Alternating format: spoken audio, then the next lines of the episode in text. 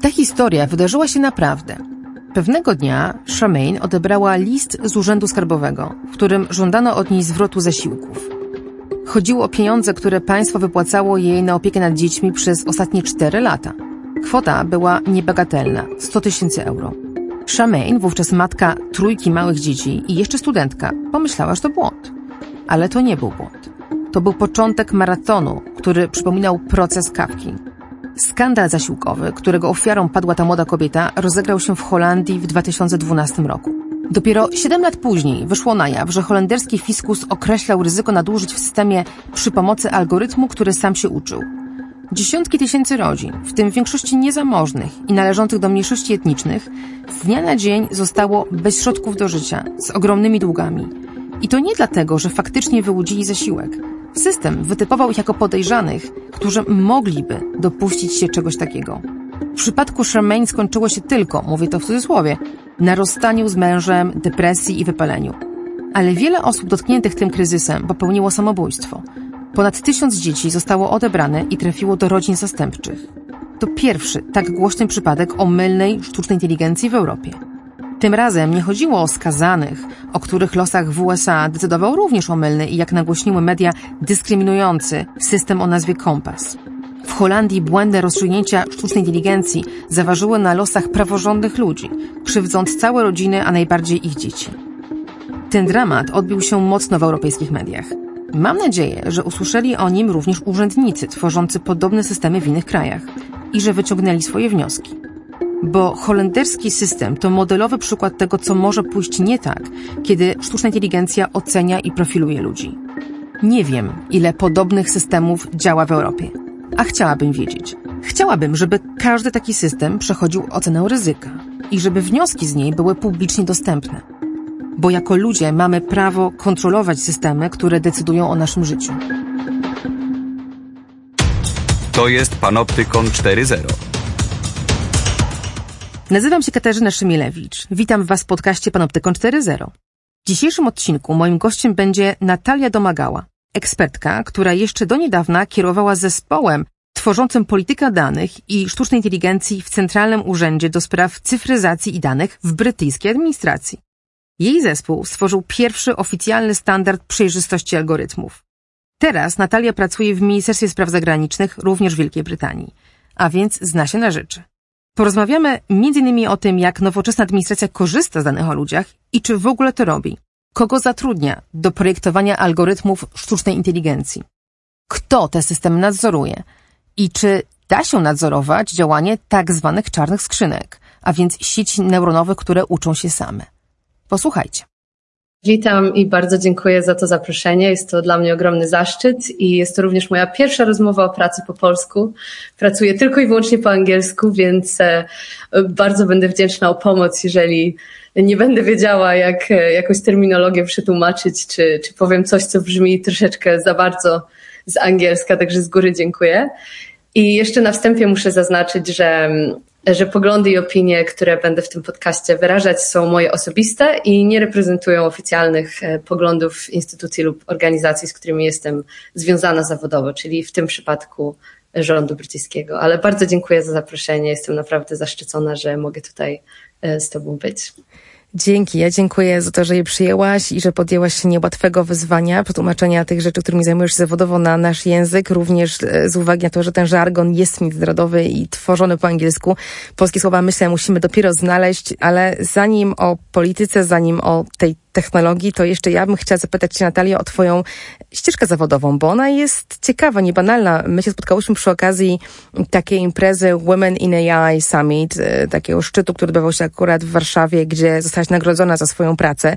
I wtedy dowiedziałam się, że Twoja ścieżka prowadziła przez studia ekonomiczne, antropologię, badanie społecznych aspektów, aspektów technologii i, i właśnie nimi zainteresowanie do właśnie Twojej pracy w brytyjskim rządzie, gdzie zajmujesz się już bardziej regulacyjnymi i politycznymi aspektami tej technologii. Jak to było? Czy to było dla ciebie dość oczywiste przejście? Jak ty wpadłaś na trop, żeby zajmować się właśnie taką dziedziną e, polityki i w tym miejscu? E, to znaczy, nie było to, na pewno nie było to oczywiste, ponieważ Generalnie zawsze mnie interesowała pozycja człowieka w świecie, tak zwana kondycja ludzka, jeżeli mogę to tak poetycko trochę powiedzieć.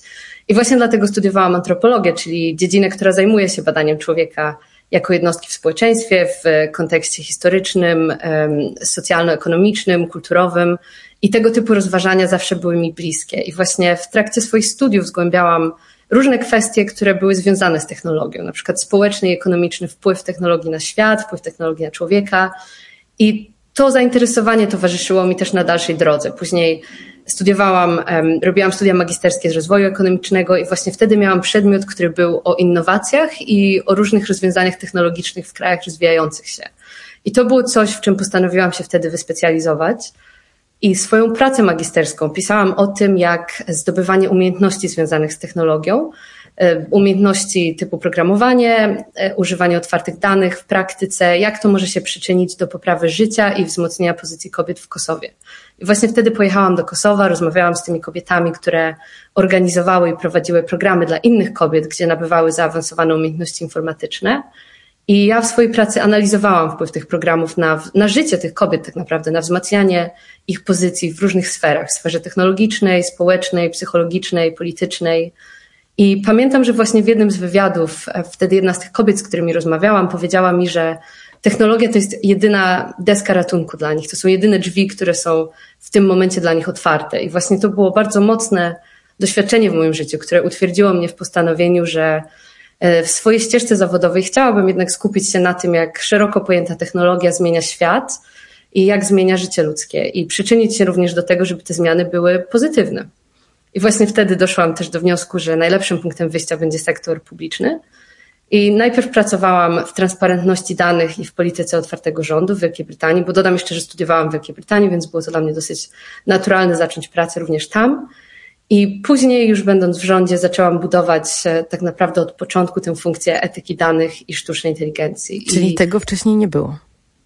Było do pewnego stopnia, ale akurat w tym e, ministerstwie, w którym ja pracowałam, nie było to tak dobrze zdefiniowane. To było na zasadzie, że była jedna, dwie osoby, które się gdzieś tam tym zajmowały tak e, na uboczu, a jednak ja w pewnym momencie podjęłam się takiego zadania, żeby to troszeczkę sformalizować, zastanowić się, jak my to możemy zrobić, e, żeby to miało wpływ e, na, na to, co wszyscy w naszym ministerstwie robią z danymi, ze sztuczną inteligencją i e, generalnie jak to można lepiej zorganizować. I, i, i to właśnie było to, czym ja się zajęłam w, w swojej pracy w rządzie na początku swojej ścieżki.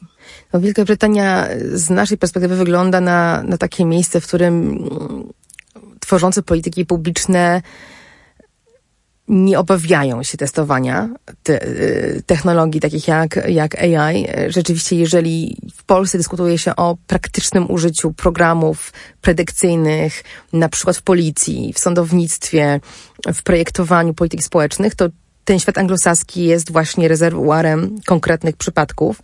E, jestem ciekawa, jak Twoja praca praktyce wygląda? Czy to jest tak, że ty tworzysz standardy czy procedury dla wszystkich, którzy takie rzeczy w Wielkiej Brytanii robią, z tej centralnej e, komórki mm, e, rządowej, czy ona jest ograniczona bardziej do jakiegoś sektora? Jeżeli tak, to do jakiego sektora tej polityki publicznej brytyjskiej? Moja praca jest skupiona na sektorze publicznym, czyli na e, rządzie centralnym, na ministerstwach e, centralnych i na samorządach do pewnego stopnia, chociaż do samorządów mamy oddzielne ministerstwo. Czym ja się nie zajmuję, od razu powiem, to jest e, regulacja sektora prywatnego, czyli na przykład jeżeli chodzi o to, jak regulujemy e, firmy technologiczne albo firmy, które tworzą sztuczną inteligencję, to tym się zajmuje inne ministerstwo. Moje, moim zadaniem jest głównie skupianie się na tym, jak my jako rząd możemy dawać dobry przykład, jak możemy się samoregulować e, w tych kwestiach. I jeżeli chodzi o takie bardziej praktyczne czynności, którymi się zajmuję, to powiedziałabym, że moja praca ma trzy główne elementy. Pierwszy to jest etyka danych, drugi to jest e, transparentność sztucznej inteligencji, a trzeci to jest e, współpraca międzynarodowa w tych dziedzinach. Więc ten pierwszy aspekt, czyli etyka danych, to jest głównie praca z zespołami e, analityków, z różnymi zespołami w rządzie, które pracują z danymi, które pracują ze sztuczną inteligencją, które zajmują się algorytmami i to polega na tym, że ja im generalnie doradzam, pomagam im w różnych wyzwaniach i problemach, które oni mają, pomagam im odpowiedzieć na pytania typu jak zapobiec dyskryminacji, jak zapobiec stronniczości w ich analizie albo w, w narzędziach, których e, oni budują. A jakie to I... mogą być narzędzia, jeżeli mogę Cię to podpytać, bo to myślę po pozwoli słuchającym nas zrozumieć, e, o czym tak naprawdę rozmawiamy, jakie to są polityki, czy jakie to są projekty, w których występują dane o ludziach e, i jakie to mogą być dane. To mówimy na przykład o, o, o policji albo o Mm, nie wiem, rekrutacji do pracy ludzi, którzy, których zatrudnia administracja, a może mówimy o tak newralgicznym obszarze jak nadzór nad granicami albo mm, ocena ludzi na lotniskach, którzy mają dostać wizę. Co to mogą być za projekty społeczne? Nie są one aż tak, e, aż tak kontrowersyjne, powiedzmy, albo tak zaawansowane jak te przykłady, które podałaś, ponieważ dla mnie jedną z największych niespodzianek, kiedy zaczęłam tę pracę, to było to, że tak naprawdę rząd tej automatyzacji nie używa aż tak dużo, jak um, może się to wydawać z zewnątrz. I jest jak to mówią rzecz... media? E, tak, na przykład.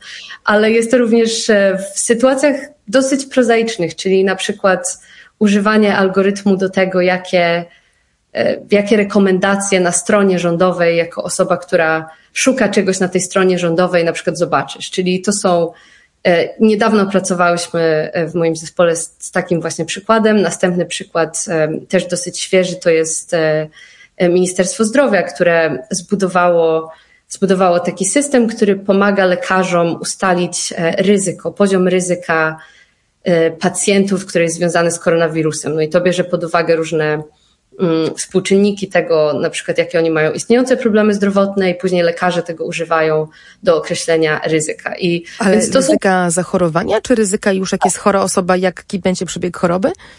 E, ryzyka zachorowania głównie. I, I właśnie to są tego typu przykłady, które, które tak naprawdę są dosyć mało skomplikowane. Tak? Był jeszcze przykład, że Ministerstwo Transportu używało algorytmu do tego, żeby pomóc w w, w ustanowieniu, kto, kto kiedy ma mieć e, inspekcję swoich pojazdów. Więc generalnie powiem tak, jest dużo, jest dużo więcej tych przykładów, ale te, które trafiają na pierwsze strony gazet, e, to są zazwyczaj wyjątki. Tak? Generalnie są to dosyć proste, jest to po prostu automatyzacja pracy, żeby to troszeczkę usprawnić bardziej niż e, rządzenie poprzez sztuczną inteligencję. Mhm. Bo powiedziałaś o tym wykorzystaniu medycznym, to jest zawsze e, taki obszar, który, który ludzi słusznie mm, interesuje i, i, i budzi emocje. E, pamiętam w innej rozmowie, którą prowadziłam w tym podcaście z Agatą Forynciarz, pojawił się przykład mm, takiego systemu mm, z, z, z USA, gdzie mm, wykorzystywano AI do tego, żeby w, w, w, służbie zdrowia ocenić, który pacjent ma prawo, czy powinien być kwalifikowany do jakiego programu e, zapobiegania chorobom. Czyli mamy taki pomysł, że chcemy pomóc ludziom wyjść nawet prze, prze, prze, trochę naprzeciw ich potrzebom i powiedzieć, o, pani ma na przykład gen, który może wywołać mm, ostrego raka, a więc panią zaprosimy na taki program prewencyjny, a innej pani nie. Więc to wszystko ma, ma oczywiście swoją logikę i wydaje się słusznym podejściem, bo budżet nie jest z gumy i nie możemy wszystkich do każdego programu zapraszać. Co więcej, czasami ludzie w takim programie będący mogliby wręcz no, czuć się nadużyci, mogliby się czuć jak króliki doświadczalne bez ważnego powodu. Czy tego typu projekty pojawiają się również w Wielkiej Brytanii? E, nie słyszałam o tym, żeby się pojawiały, co nie znaczy, że, że się nie pojawiają, bo ja też e, nie wiem wszystkiego.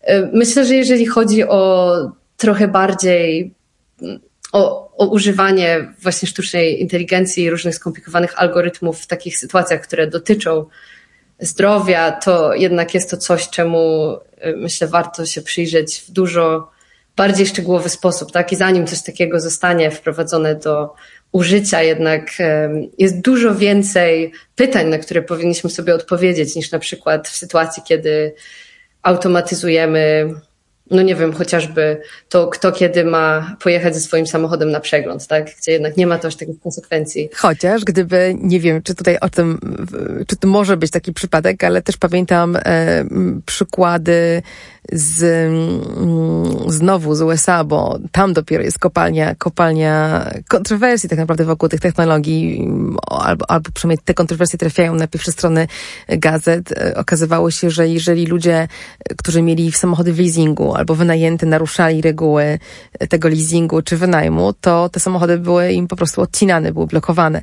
Mogłabym sobie wyobrazić, że takie niezgłoszenie się na inspekcję powoduje na przykład automatyczne zawieszenie polisy ubezpieczeniowej albo jakiegoś dokumentu, który sprawdza policja i wtedy to już nie jest takie e, lekkie w konsekwencjach dla, dla jeżdżącego, prawda? Więc to też pewnie zależy od tego, jak dalece system w ogóle, policja i tak dalej będą korzystały z, z owego wykrywania nieprawidłowości albo tego, że człowiek się nie zjawił na inspekcji, kiedy powinien. Jakie będą konsekwencje takiego ustalenia przez AI?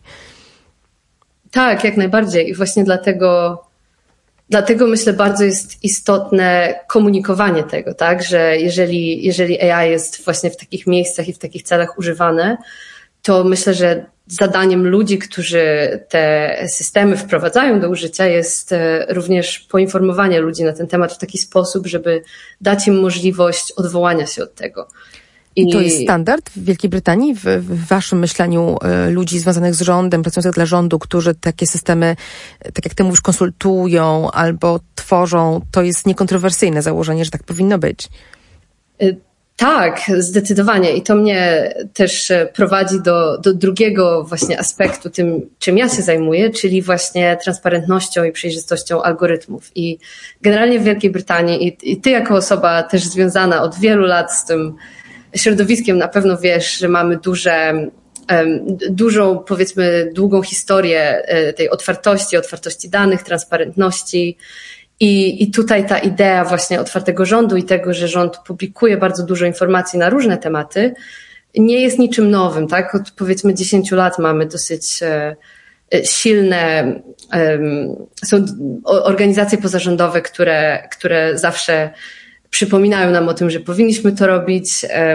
Bardzo słusznie e, są też e, specjalne zespoły w rządzie, które się zajmują na przykład publikacją tych informacji i generalnie nie dziwi to nikogo, że, że teraz zajmujemy się też transparentnością i przejrzystością sztucznej inteligencji, tak? To jest, powiem szczerze, dosyć naturalny następny krok, tak? I i, I generalnie, jeżeli chodzi o moją pracę, to e, ja prowadziłam zespół, który opracował i wprowadził tak naprawdę jeden z pierwszych na świecie standardów przejrzystości algorytmicznej. I to polega na tym, że jak wiemy, te systemy sztucznej inteligencji e, wspierają decyzje w rządach i nasz standard pomaga ludziom to zrozumieć, zrozumieć w jaki sposób te decyzje są podejmowane, jaką rolę w tym procesie e, odgrywa sztuczna inteligencja albo skomplikowane algorytmy. I właśnie my też pomagamy różnym innym ministerstwom i różnym organizacjom w obrębie sektora publicznego Wielkiej Brytanii w spójny sposób poinformować opinię publiczną i o wykorzystywaniu sztucznej inteligencji. I też właśnie chcemy, żeby na podstawie tych informacji, które rząd opublikuje, ta opinia publiczna i ludzie, którzy to czytają, mogli się dowiedzieć jak najwięcej, mogli się od tego odwołać, wiedzieli na przykład e, na jaki adres mailowy mogą napisać, z kim się skontaktować, kto jest osobą odpowiedzialną za dany, e, za, dany system. I przez ostatni rok moja praca była skupiona głównie na tym, czyli najpierw na badaniach i poszukiwaniach, jak coś takiego może wyglądać w praktyce. A od listopada zeszłego roku, kiedy opublikowaliśmy tę pierwszą wersję tego jak to może wyglądać, to zajmujemy się testowaniem e, tego z różnymi organizacjami. Ale to wszystko było zbudowane na tej podstawie, e, na tej idei, tak, transparentności, że, że rząd jest dla ludzi, jesteśmy finansowani przez pieniądze podatników i dlatego musimy im pokazać wszystko, wszystko, co tutaj robimy, czy ze sztuczną inteligencją, czy bez. Piękna idea, nie mogę się zgodzić bardziej.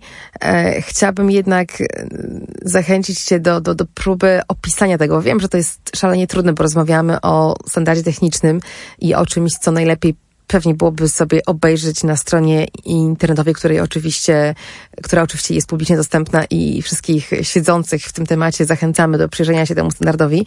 E, tak jak powiedziałaś, to jest publicznie dostępne i zachęcacie innych do czerpania z waszych pomysłów.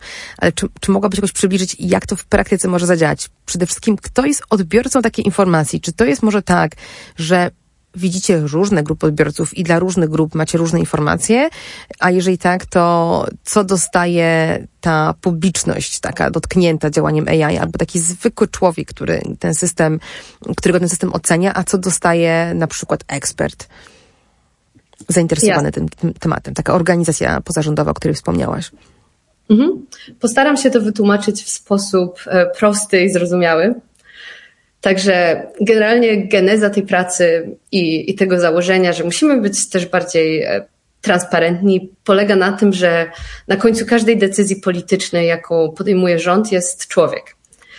I jak wiemy, wiele, wiele tych decyzji jest zautomatyzowanych i często, często to jest dlatego, że zaoszczędza to setki tysięcy funtów albo poprawia wydajność, e, więc generalnie jest dobry powód, żeby te decyzje zautomatyzować ale jak wiemy, mogą mieć one ogromny wpływ na ludzi, mogą zmienić ich życie. I osoba, której wniosek na przykład o wsparcie finansowe został odrzucony, może się zastanawiać, na przykład dlaczego... w kontekście pomocy społecznej, tak? Tak, tak, na przykład. I, i ta, taki człowiek się później zastanawia, jak to się stało, dlaczego, jak rząd podjął tę decyzję i jeżeli były w tym procesie użyte jakieś algorytmy, to, to, to w jaki sposób, tak? I właśnie ta cała praca i nasz standard przejrzystości algorytmu algorytmów, standard przejrzystości algorytmów, tak możemy go nazwać. Nie ma tu polskiej nazwy jeszcze, także e, właśnie ją stworzyłyśmy. E, super. Polega, super. Polega to na tym, że komunikujemy w jasny, otwarty sposób, w jaki, jak podejmowane są takie decyzje i jaką rolę w tym procesie odgrywają algorytmy albo sztuczna inteligencja. I kiedy mówię na ten temat, to często jako kontrargument słyszę, że sztuczna inteligencja to czarna skrzynka, że nigdy tak naprawdę się nie dowiemy, co tam się dzieje. I zawsze odpowiadam wtedy, że, że może i tak jest, ale właśnie z tego powodu powinniśmy podać informacje na temat wszystkiego, co dzieje się dookoła tej czarnej skrzynki, tak? Czyli na przykład do jakich decyzji jest używany ten algorytm, do jakiego stopnia jest taka decyzja zautomatyzowana, jaki jest cel, jaki jest powód, kto jest za to odpowiedzialny. I właśnie to jest to, co my w praktyce robimy. Więc właśnie stworzyliśmy ten standard, żeby dać społeczeństwu prawo e, do, żeby dać żeby pokazać społeczeństwu te decyzje, dać im wyjaśnienia na temat tego, jak te decyzje podejmujemy. E, no i również w ten sposób e, zacząć dialog tak, na temat użycia sztucznej inteligencji. Czy na przykład dany cel e, się broni, albo czy logika danego systemu nie jest kontrowersyjna, albo czy dane, które on zastał, są dobrze dobrane. No wyobrażam sobie, że, że to może być, załóżmy ta pomoc społeczna, to jest, to jest coś, co może być bliskie mm, naszym polskim słuchaczom, ponieważ w Polsce też mieliśmy system nie oparty o sztuczną inteligencję, to był bardzo prosty algorytm, taka tabelka w Excelu, y, ale dotyczył on właśnie profilowania osób, pomocy dla osób bezrobotnych. Znowu, ciekawe założenie, punkt wyjścia całkiem mądry zgodnie z którym nie każdy potrzebuje takiej samej pomocy. Ludzie się różnią, mają różne potrzeby. Dobrze jest je zdiagnozować, dobrze jest wpuszczać ludzi w taką procedurę, która im posłuży, a nie która będzie dla nich bez sensu. Jeden potrzebuje wyłącznie ubezpieczenia mm, zdrowotnego, inny potrzebuje treningu zawodowego, a inny potrzebuje opieki nad dzieckiem albo wyleczenia poważnej choroby, zanim będzie mógł wrócić do pracy. I zrozumienie tych potrzeb w polityce publicznej mi się wydaje podstawowe. Teraz rozmawia się w Polsce o stworzeniu systemu, który będzie łączył potrzeby osób na rynku pracy, uchodźców y, z Ukrainy na razie, ale docelowo być może też innych osób i łączenia ich z pracodawcami. I to będzie ta sama opowieść o tym, jakie oni mają potrzeby, jakie mają e, zdolności, jak to e, połączyć z, z akurat tutaj mm, pracodawcami, czyli, czyli sektorem prywatnym e, ale taki system może być i dobrze zaprojektowany, przejrzysty, oparty o dane, które są e, reprezentatywne, w których nie ma skrzywień e, i potencjału dyskryminacyjnego i może być e, karykaturą samego siebie, tak jak ten dotyczący bezrobotnych, który był bardziej krzywdzący i prowadził do absurdalnych rozstrzygnięć, które krytykowali sami urzędnicy i sami urzędnicy chcieli się tego systemu pozbyć. Ale ta batalia z nim trwała mm, dobrych kilka lat. Rozumiem, że twoja praca jest właśnie po to, żeby nie dochodziło do takich nieefektywności i żeby te systemy od początku były tworzone w oparciu o dobre założenia, ale też żeby były, tak jak powiedziałaś, przedmiotem debaty publicznej, czyli żeby ludzie, którzy się tym zajmują zawodowo albo społecznie, tak jak organizacje pozarządowe, mogły wkroczyć i powiedzieć, halo, Czy tutaj rząd nie optymalizuje czegoś, co na przykład yy, nie wymaga obecności AI, bo mówimy o brakach w finansach publicznych. Często tak jest, prawda, że jakiś system powstaje po to, żeby załatać inny problem. Na przykład brak pieniędzy na jakiś cel. Przedszkola, żłobki, e, pomoc społeczna e, usługi medyczne i zamiast docenić, że to jest właśnie nasz problem, brak pieniędzy albo brak zasobów i nim się musimy zająć, powstaje system, który optymalizuje, który obcina, który nie dopuszcza części ludzi. Rozumiem, że tego typu debatę wy właśnie de facto uruchamiacie, tak?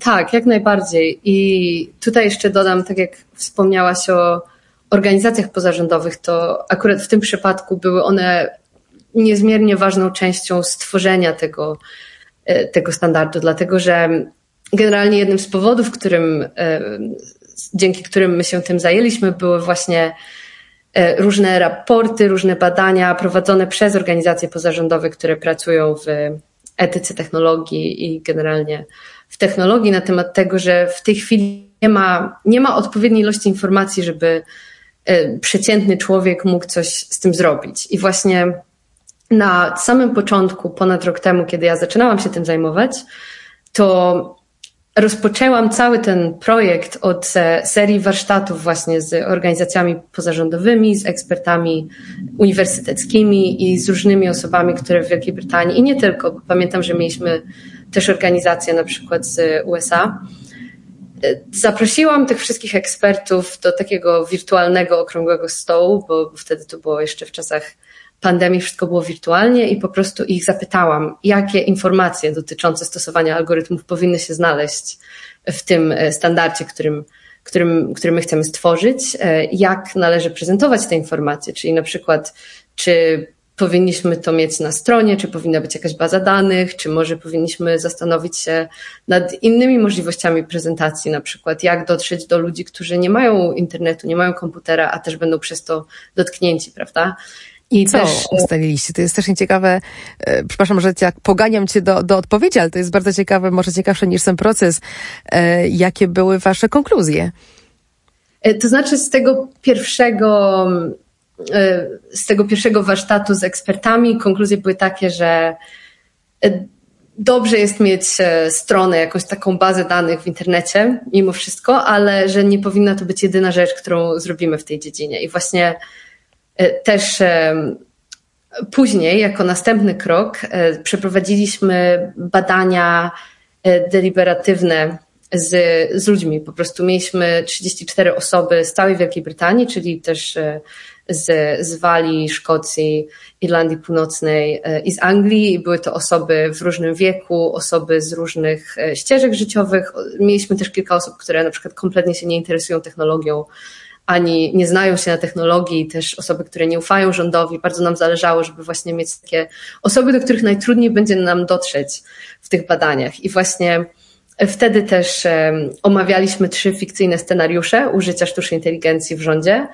I akurat ciekawe jest to, że wspomniałaś e, w swoim wstępie i wcześniej w pytaniach e, właśnie o takich użyciach, które my też testowaliśmy, czyli w rekrutacji, w rekrutacji do pracy w sektorze publicznym, właśnie używanie algorytmu i również w, w policji, jeżeli chodzi o to, gdzie, e, w jakich regionach, w jakich rejonach policja powinna się znajdować. Więc to były fikcyjne sceny. To ja tylko które... może jeszcze do, dopowiem do, do, do tego przykładu, bo to nie wybrzmiało wcześniej.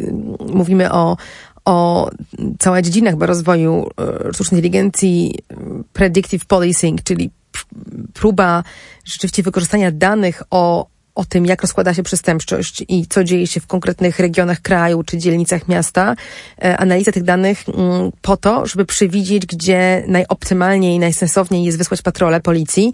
Te systemy są bardzo ciekawe, bo opierają się o e, stare, sprawdzone teorie e, kryminologiczne, e, a więc nie jest to wysane z palca. Z tego, co mi wiadomo, z tego, co tym czytałam, rzeczywiście jest pod tym twarda taka wiedza socjologiczna i ta technologia wchodzi już na, na nią, buduje na niej, a jedno, ale jednocześnie pojawiają się oczywiście kontrowersje dotyczące no, omylności takich predykcji i tego, że jeżeli na przykład mamy dzielnicę, w której notorycznie wydarza się coś niepokojącego i tam ta policja bez przerwy jeździ, to może mieć to efekt tak dyskryminujący efekt, mrożący na społeczność. Może to powodować utrwalenie takich schematów, że to jest zła dzielnica i, i złą pozostanie po prostu, a nawet i dyskryminacji na przykład w oczach banków czy, czy sklepów, a jednocześnie, no to są twarde dane i jeżeli gdzieś dzieje się przestępczość, to rzeczywiście trudno zaprzeczyć, że lepiej byłoby, żeby to było patrolowane. A więc no to są takie systemy, które nie neguje się, e, przynajmniej w, w dziedzinie, w której ja się poruszam, nie ma negacji tego, że one są sensowne, ale jednocześnie budzą poważne kontrowersje społeczne.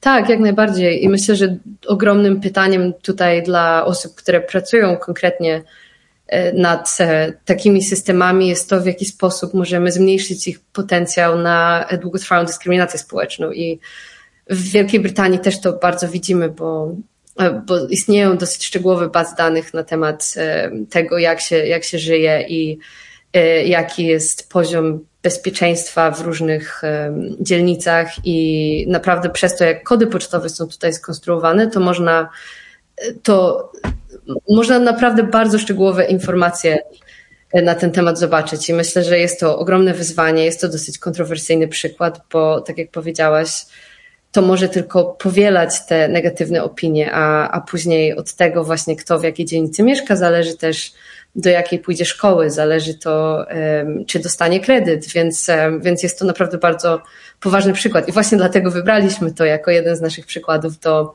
testowania z, z ludźmi. I co wam powiedzieli to... ci ludzie, szczególnie ci nieufni? Czego oni chcieliby się dowiedzieć o tych systemach? E, to znaczy, generalnie zauważyliśmy, że ich ciekawość na temat tego, jak te systemy są używane i, i co te systemy, jakie decyzje te systemy wspierają, zależy od tego, zależy od tematu, tak? Czyli na przykład w rekrutacji i w policji, to y, przez to, że ryzyko użycia sztucznej inteligencji w takich przypadkach było postrzegane jako dosyć wysokie, to ludzie chcieli znać wiele szczegółów i chcieli, chcieli wiedzieć na przykład y, po co to jest używane, jaki konkretnie to jest system, jak on działa, jakich on używa, y, jakie on ma parametry, jakich danych używa i co ciekawe, mieliśmy wiele odpowiedzi od, od ludzi, którzy powiedzieli, że oni osobiście by tego nie sprawdzili, dlatego że w sumie to ich to aż tak bardzo nie interesuje, to jest dosyć skomplikowane, ale oni by chcieli, żeby na przykład dziennikarz to sprawdził w ich imieniu i napisał tym artykuł, który oni będą mogli sobie spokojnie przeczytać i zrozumieć, albo żeby organizacje pozarządowe to sprawdziły w ich imieniu i, i, i może wtedy skontaktowały się z rządem i powiedziały, że coś jest nie tak. I właśnie. A czy oczekiwaliby takiej ogólnej informacji, uwaga, tutaj działa system, e, który ocenia, przewiduje, używa do tego algorytmu? Albo czy chcieliby mieć wyjaśnione w konkretnej swojej sytuacji, dlaczego coś ich spotkało? Czy, czy o czymś takim mówili?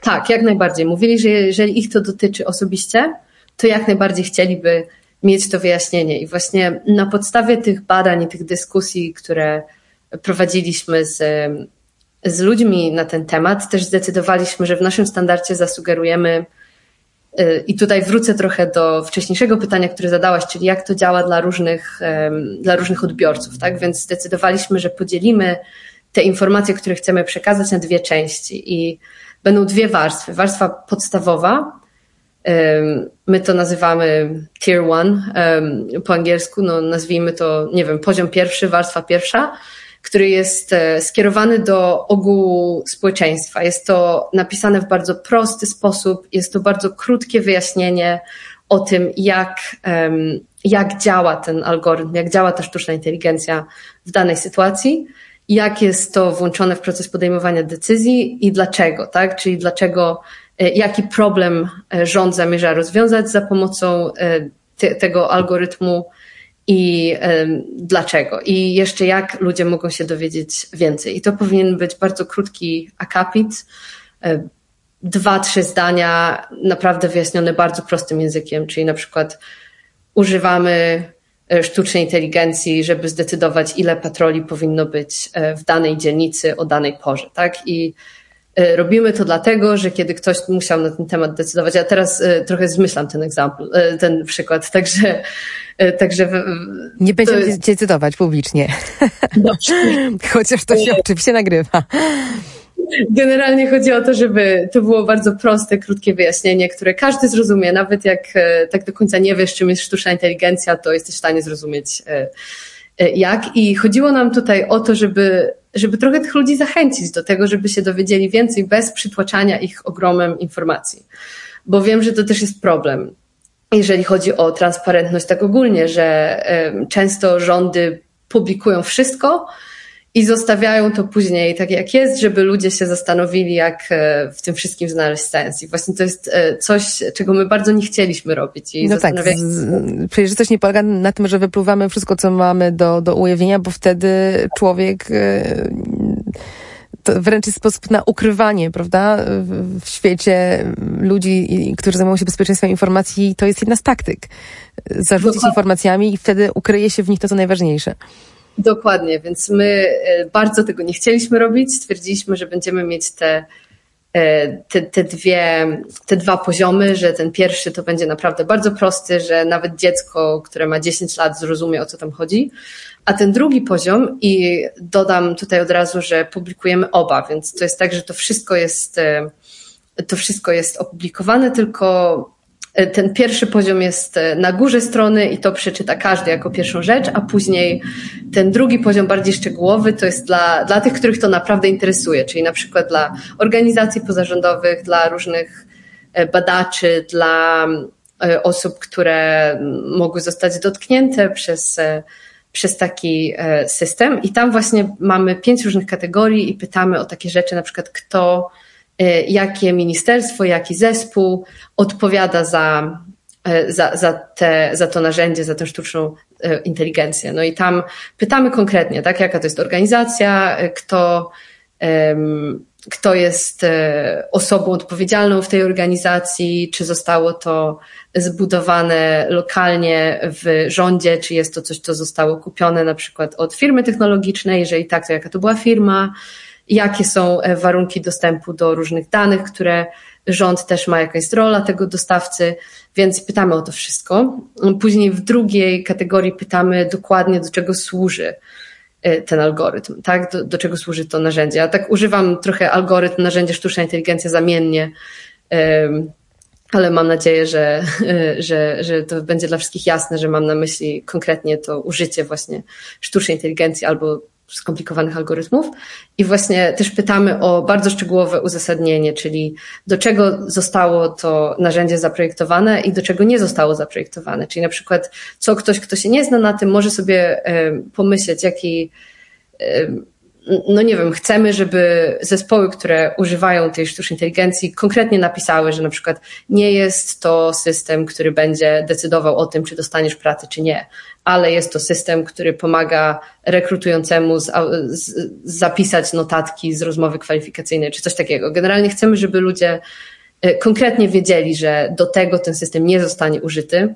Też pytamy o listę korzyści dosyć szczegółowych, pytamy o alternatywy manualne, czyli e, czy była inna możliwość niż automatyzacja tego procesu i jeżeli tak, to dlaczego tamta możliwość nie została zastosowana?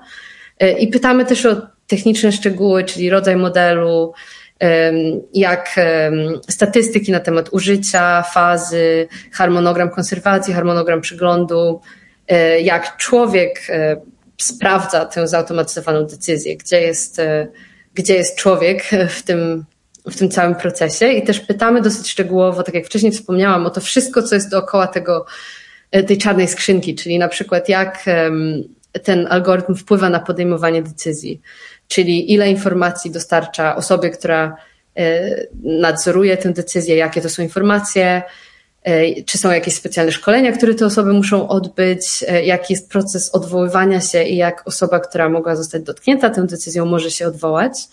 Później mamy całą sekcję na temat danych, czyli jakie dane zostały użyte do trenowania tego modelu, y, jakie dane są teraz używane na tym modelu i też prosimy, żeby prosimy o dołączenie linków właśnie do, do tych zbiorów danych, jeżeli są one otwarte, a jeżeli nie, to jak najbardziej, jak, jak najwięcej szczegółów e, prosimy. No i ostatnia, ostatnia sekcja, która jest prawdopodobnie najciekawsza dla wielu osób, to są e, skutki, zagrożenia, i kroki, które zostały podjęte, żeby te zagrożenia załagodzić. Czyli prosimy i myślę, że to jest dosyć odważne i tak jak... Ocena ryzyka po prostu. Tak, ocena ryzyka, ale prosimy o konkrety, tak? Czyli co może pójść nie tak w tym systemie? Dokładnie. I właśnie bardzo dużą przeszkodą zauważyłam jest to, że wiele osób, które nad tym pracuje, po prostu boi się o tym otwarcie mówić. I myślę, że to jest problem, e, którym może wszyscy, i mówiąc wszyscy, mam na myśli tutaj nie tylko sektor publiczny, ale również właśnie organizacje pozarządowe i ludzi, może też musimy troszeczkę znormalizować Y, taką debatę publiczną na ten temat, tak, że im więcej tych zagrożeń będziemy omawiać, im bardziej sobie z nich będziemy zdawać sprawę, tym myślę bardziej otwarcie zespoły, które zajmują się sztuczną inteligencją, będą mogły o tym mówić i będą mogły znajdować rozwiązania. I właśnie też to chcemy osiągnąć. Chcemy, chcemy żeby, bo zawsze zagrożenia istnieją i wiemy o tym, wszyscy o tym wiemy, więc nam nie chodzi o to, żeby te zespoły nam żeby podały. ukrywać to, tylko żeby raczej no, otwarcie się z nimi zmierzyć. Mhm. Oczywiście. I powiedzieć, że na przykład y, to zagrożenie zmniejszyliśmy w taki taki sposób, bo wtedy na podstawie tego inne zespoły, które będą miały ten sam problem, mogą się uczyć, mogą wziąć tę metodę, która się sprawdziła w tym pierwszym zespole i coś z tego zbudować jeszcze więcej, mogą dodać coś od siebie. I dlatego właśnie też myślę, że jest to bardzo ważne, żeby, e, żeby dosyć szczegółowo się tymi zagrożeniami zająć. I rozumiem, że one mogą być najróżniejszej natury. One mogą i wynikać z danych, na przykład z tego, że. Mm, przykładzie z opieką medyczną rząd ma do dyspozycji tylko takie dane, jakie ma, na przykład tylko o ludziach, którzy chorowali, a nie o tych zdrowych i w związku z tym może mieć jakieś skrzywienie system, który ocenia, kto się kwalifikuje, kto nie. Albo w przypadku tej policji, ona jeździ tam, gdzie była przestępczość, no bo to wynika z mm, założeń przewidywanie przestępczości, która wystąpi ponownie w oparciu o dane o tym, że wystąpiła gdzieś wcześniej i tego się nie da um, uzdrowić w takim sensie, że nie, no, nie zmienimy przyszłości, prawda? Nie zafałszujemy przyszłości, ale jeżeli widzimy ryzyko utrwalania stereotypów albo dyskryminacji ludzi, którzy tam żyją, możemy to adresować, rozwiązywać inaczej, nie wiem, programami społecznymi, prawda? Czy, czy, czy jakąś inną metodą. Więc to jest, to chyba mogą być bardzo różne ryzyka i odpowiedzi na nie mogą tkwić w innych politykach publicznych, nie tylko w tym, że inaczej ten system zaprogramujemy. Czy, czy, czy, czy dobrze myślę? Tak, tak. Myślę, że po obu stronach, że też po pierwsze, że inaczej ten system zaprogramujemy, wiedząc na przykład, że dane, na których y, ten system się uczył, były w jakiś sposób niekompletne, tak? To, to już nam daje możliwość interwencji, ale również, tak jak mówisz, od, odpowiedzi, większe interwencje, y, nie tylko technologiczne, jakie możemy użyć do tego problemu, więc jak najbardziej. Generalnie myślę, że im więcej, bo dlatego też pytamy, y, pytamy zespoły, które które używają naszego standardu, o to, jak, e, w jaki sposób te ryzyko załagodziły i zmniejszyły. Więc właśnie też dlatego, żeby później wiedzieć, jakie są różne możliwości, którymi możemy tutaj się kierować. A, a jakie masz poczucie w tych rozmowach, e, w tym dialogu e, z drugiej strony wdzięczności, irytacji, zmęczenia? Bo z tego, co mówisz, stworzyliście wyczerpującą, wspaniałą, z mojej perspektywy, wymarzoną checklistę oceny takich systemów, łącznie z ich ryzykami. Żądacie wielu informacji, wszystkie one ważą, wszystkie one są cenne. Jak reagują tworzący je? Generalnie są bardzo wdzięczni przynajmniej te zespoły, z którymi pracowaliśmy, ponieważ my teraz w listopadzie zeszłego roku opublikowaliśmy pierwszą wersję tego standardu i od tamtej pory testowaliśmy go z różnymi zespołami i też można to wszystko zobaczyć e, na naszej stronie, jak, jak, jak się wpisze Algorithmic Transparency Standard e, na, na stronie e, gov.uk, to tam można to wszystko zobaczyć i też e, robiliśmy dosyć e, szczegółową ewaluację tego procesu i właśnie pytaliśmy, w czym Wam to pomogło, czy zrobilibyście to jeszcze raz, czy jest to coś, w czym, e, co polecicie innym, w czym chcielibyście wziąć udział? I mieliśmy takie opinie, że właśnie w tym przykładzie medycznym, który wcześniej podałam, ten zespół, który pracował nad tym projektem, stwierdził, że ten proces dokumentacji tych informacji może bardzo im bardzo wewnętrznie pomóc, bo może im pomóc wyjaśnić pacjentom, w jaki sposób i dlaczego pewne zalecenia kliniczne są na przykład formułowane. Więc e, generalnie dużo e, słyszeliśmy dobrego na temat tego, że pomagamy tym zespołom e, poinformować osoby, które są zainteresowane ich pracą w sposób bardziej spójny i też może mniej skomplikowany. I też mówili, że że bardzo może to pomóc w różnych wyzwaniach, które dzieją się wewnętrznie w organizacji, tak? Czyli pytania, które zespołom, które się zajmują tworzeniem takiej technologii zadają na przykład ich przełożeni. I więc generalnie też było bardzo dużo chętnych tym, żeby, żeby to z nami testować. Myślę, że jest na pewno duża chęć zwiększenia tej przejrzystości, jest duża chęć eksperymentowania z tym, jak to możemy zrobić. Także generalnie ja do tej pory miałam bardzo pozytywne reakcje i e, też mieliśmy kilka różnych e, spotkań z firmami, które budują technologię i dostarczają technologię dla rządu.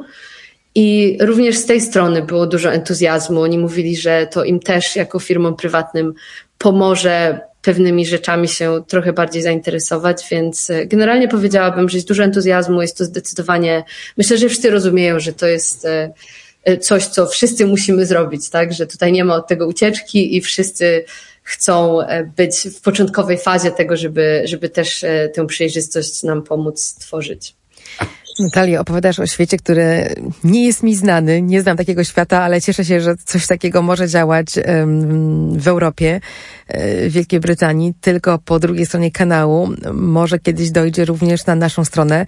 Obawiam się, że musimy kończyć, bo to trudny temat i potrzebujemy dać oddech słuchającym nas, chociaż miałabym do ciebie jeszcze wiele pytań, na przykład o to, jak, po co w ogóle jest ta sztuczna inteligencja, twoim zdaniem w administracji publicznej i czy trochę nie za dużo i tam wtykamy, ale to może jest dobry, dobry wątek do, do tego, żebyśmy wróciły do tej rozmowy o nieco szerszych wątkach wychodzących poza Twoją pracę i ten standard, o którym opowiadałaś. Dla mnie to było szalenie ciekawe i budujące słuchać o tym, jak to może działać w praktyce, a szczególnie o tym, że Twoi partnerzy w rządzie, ludzie, którzy tworzą takie rozwiązania, przyjmują to z wdzięcznością i chcą tej przejrzystości, sami widzą w niej wartość. No więc no oby ta Twoja opowieść była inspirująca też dla innych um, miejsc świata, w tym Polski i naszych urzędników. Tego e, sobie życzę, a Tobie dziękuję bardzo za to, że nam opowiedziałaś o, o, o swojej pracy. No i powodzenia. Niech to rośnie dalej.